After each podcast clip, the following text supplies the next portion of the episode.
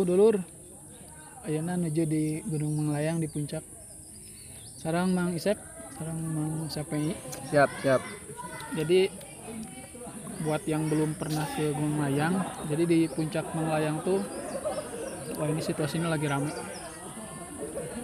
Jadi di puncak Manglayang tuh ada makam. Di puncaknya tuh ada makam. Namanya tuh makam Karomah Raden apa gitu. Raden Jaya Diningrat Raden Jaya Diningrat gitu. Nah eh, ya saya juga penasaran gitu dan termasuk ini Mang Isep dan Mang Sapi juga penasaran eh, kenapa bisa ada makam di sini gitu. Apakah memang itu makam ada jasadnya atau patilasan gitu kan ya. Nah, Mang Isep punya pandangan katanya kumaha cenah makam karomah teh maksudna. Jadi ada dua.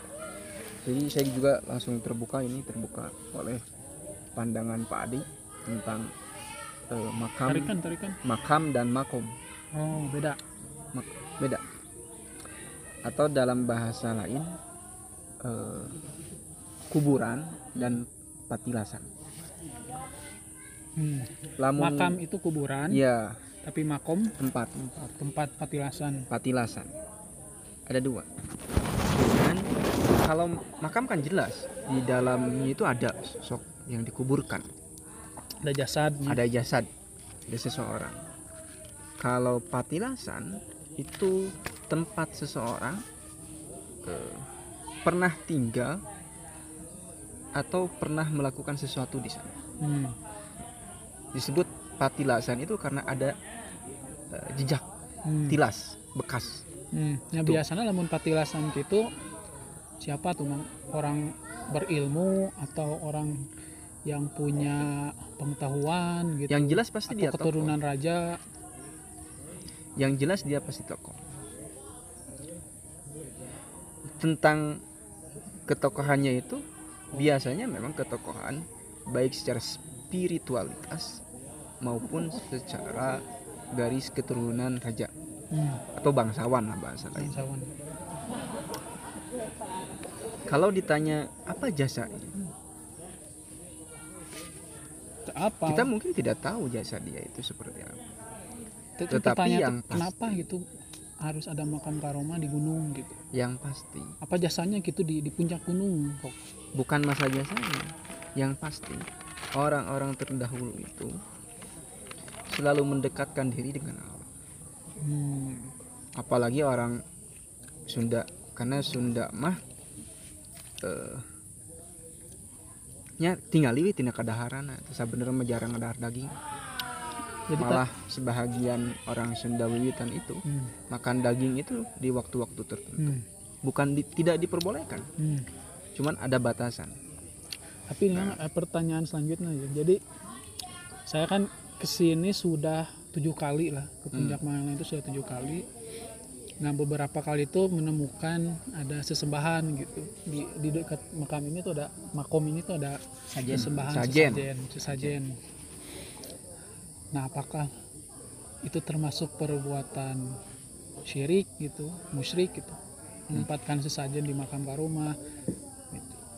Pasti kan kalau ada sesajen biasanya ada hal yang diminta kan, hmm. ya biasanya gitu kan. Jadi kita itu harus melihat dari unsur budaya dan unsur keyakinan. Hmm. Ada dua perspektif yang harus dilihat. Tapi dua-duanya juga berkaitan karena budaya juga kaitan erat dengan keyakinan. Ambil ngopi mang sambil ngopi. Siap, siap, siap. Atau dalam hal lain sekarang eh, di dunia pengetahuan itu, dunia keilmuan biasanya dipisahkan mana eh, yang bagian agama, mana bagian budaya. Padahal sebenarnya itu satu hal yang saling berkaitan satu sama lain, tidak bisa dipisahkan. Terkait dengan sesajen, jadi kita itu harus bisa melihat dari unsur definisi apa itu sajen. Hmm. Jadi kita bisa memahami itu dari unsur definisi sebenarnya. Jadi sajen itu kalau dilihat dari definisi persembahan. Hmm. Terus Kalau dalam bahasa Sunda, sajen itu bahasanya susuguh atau nyuguhan. Otomatis kalau susuguh berarti ada yang dikasih dan ada yang menerima. tapi yang menerimanya kan tidak ada tidak bisa dilihat tidak bisa ya. dilihat pertanyaannya apakah itu masuk musyrik atau tidak dalam dalam Islam Islam tentunya kita tidak boleh meminta selain kepada Allah. Ya setuju. Kita telah mafhum lah akan hal itu. Hmm, tidak ada perdebatan sebenarnya dalam hal itu. Cuman yang menjadi permasalahan eh mengapa hal itu dilakukan? Ya, kenapa gitu? Kenapa tidak sesembahannya misalnya ke orang yang fakir miskin Nah. misalnya ke melalui zakat Kalau- itu lebih real. Tuh kalau kita berdoa kan cukup aja datang mendoakan akan. dengan segala bentuk. Ngasih ke anak yatim misalnya ya gitu kan. Tadi teh ya unsur keyakinan. Atau bisa jadi orang yang kayak gini dia apa ya pengen dapat karomahnya gitu. Mungkin. Karoma itu kan yang tadi teh kemuliaan kemuliaan. Kemuliaan mungkin Cuman pengen dapat karomah itu salah kemuliaan salah salah salah salah tindakan. Karena seharusnya kita datang ke makam karoma itu bukan dengan cara sesungguh Hmm, tetapi dengan cara eh, apa namanya tafakur tadabur. Apa yang telah yang almarhum itu tinggalkan itu apa? Oh. Kalau misalkan zaman dulu itu orang-orang terdahulu itu biasanya terkenal karena kesaktiannya maka apa yang ia lakukan untuk bisa sakti itu? Karena ada pandangan sakti itu. Bisa sakti secara filosofis bisa sakti secara real kenyataan oke. Karena di dalam agama ada sakti secara filosofis juga. Sak- orang yang sakti itu orang yang kuat itu bukan orang yang gagah. Hmm. tetapi orang yang mampu menahan amarah. Tapi, datang oh, ke gunung itu untuk menetralkan itu jadi agar tenang. Kan kita datang ke gunung itu tujuannya itu agar Hmm. tenang. Jadi unsur-unsur alamiah itu menyatu. Biasanya orang-orang yang ber- sering bermeditasi kalau orang-orang yang sering apa namanya hmm, eh dikir itu eh, atau eh, berholawat hmm, biasanya mereka itu memiliki tingkat ketenangan yang cukup hmm, baik ya. dibandingkan dengan orang-orang eh, yang jarang melakukan meditasi. Tapi ada sepakatnya mang karena walaupun klisenya tapi naik gunung seperti yang dilakukan kita gitunya. Sekarang tuh ada tadabur alamnya. Tadabur alam. modal tadi Mang Isep kan melihat Bandung ya, Hmm, di atas ketinggian.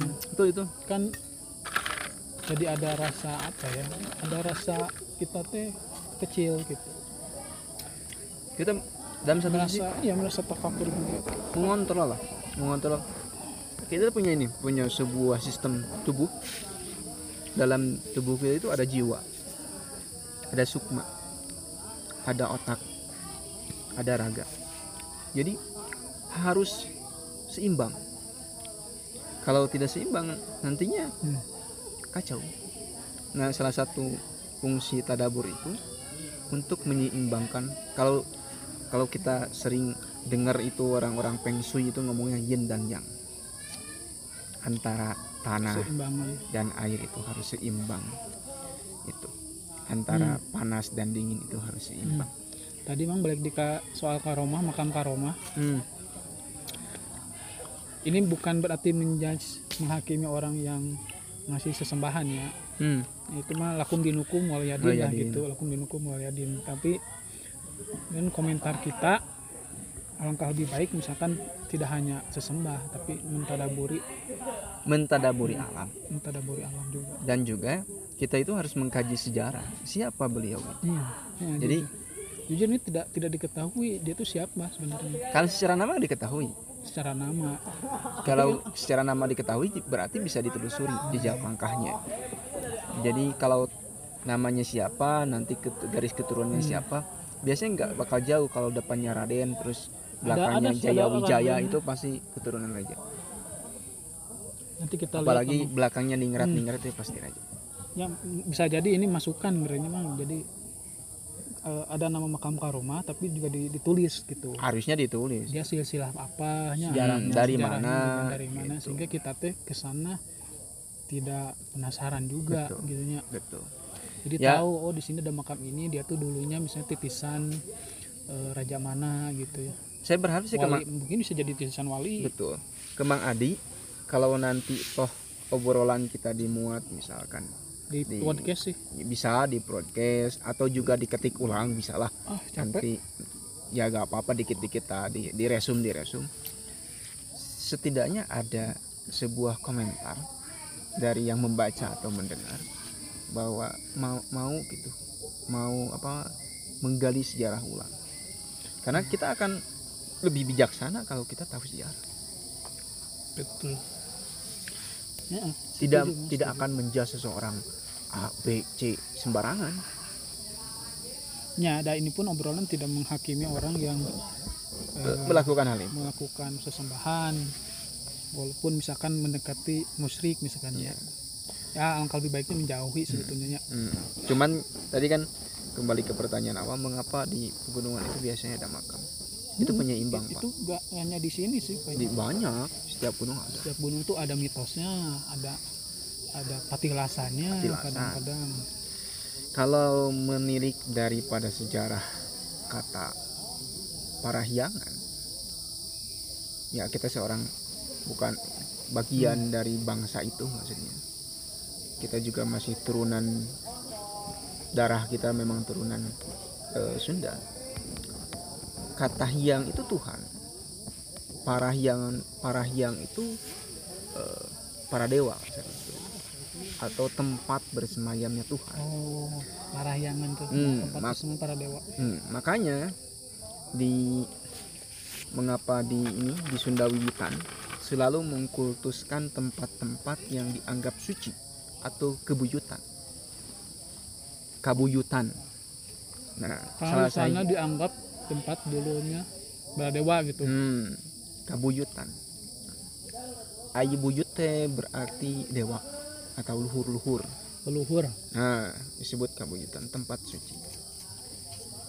Salah sahiji ciri tempat suci kabuyutan tempatnya di pegunungan atau di lembah-lembah. nah yang penasaran sih kenapa di gunung gitu Karena tadi Apakah energinya, ener- energinya itu sepi dehnya hmm, sepi, penuh dengan ketenangan. Cocok untuk bermeditasi. Cocok untuk menetralkan hal-hal yang negatif. Jadi setibanya kita pulang dari gunung itu harus membawa pemikiran yang sehat, jiwa yang kuat, dan keseimbangan. dan perut yang Kenyang harusnya. Cuman mie gak ada ini aduh hmm, luar biasa. ini cuman disponsori coklatos Hmm. Wafer, Ovelo aja sama air kolak. Almasum. Sama air sum. almasum Gak apa-apa. Yang penting halal. itu jualan toiban. Batun warobun gopur. bada nyungkeun mie ada isinnya Isin abdi teh. Kemasa kadege ngapan gitu. lapar sebenarnya mah itu. Ngali batur marasak menirawas Pak Adi, kalau sekiranya nanti ke depan kita buat podcast, kan Pak Adi mah pinter mengolah sebuah apa namanya eh, Diskusi diskusi podcastnya apa adanya apa pun Pak Adi. ini pun di- direkam nanti diupload aja Oh iya, Cukup lebih lah. baik. Nanti saya tuh punya temen dia belajar jadi youtuber. Sekarang kuliah di saya S2. juga youtuber tapi gak konsisten konsisten gak jadi uang ya. Eta jauh-jauh gini selama 4 bulan baru dua video anu si pembacanya baru 100 anu ti si Ridwan cina mendapatkan uang gak perlu harus gak perlu dari kan Google AdSense AdSense. Ya, iya itu temen pun segala butuh sesuatu proses. butuh konsistensi mau Orang- jadi youtuber kudu konsisten Itu mah hanya eh, obrolan atau sugesti pemberian sugesti di marketing lah. Gitu, urang mah- biasanya nu nyana sugesti mana lagi lieur sih Iya. ketika beres seminar sok lieur Sok lucu ya kayak Ridwan teh. eh tong nyebut jelema tuh Ya, ini Ya, ini sudah. di ini dulu. di- ya baik mungkin itu aja ya topiknya Em, mudah-mudahan ada berkesan, berkesan. ada hikmah di balik obrolan. di balik obrolan yang ke sana kemari ini. Tapi pada intinya gimana Maisep Pada intinya kita harus berselaras dengan alam, menjadikan alam itu bagian yang tak terpisahkan dengan kita karena kita juga bagian dari alam. Ketika ada sesuatu yang dikatakan tanda kutip eh, memiliki kekuatan, kita harus eh, mengakui bahwa sesungguhnya yang lebih memiliki kekuatan itu adalah Allah Subhanahu wa taala. Kewajiban kita itu meningkatkan keyakinan lewat tadabbur alam. Masya Allah. ya gitu saudara-saudaraku seiman. Sudah ini kalau di radio ada namanya Q MTQ, Q Radio. Itu milik A Agim yang MTQ yang ada nanti. Itu mah TV bos. Oh, ya sudahlah gitu aja ya saudara-saudara terima kasih kalau sudah mendengarkan sampai ketemu lagi di Lain kesempatan. obrolan-obrolan selanjutnya dengan orang yang mungkin akan lebih Seru seru. seru oke hatur nuhun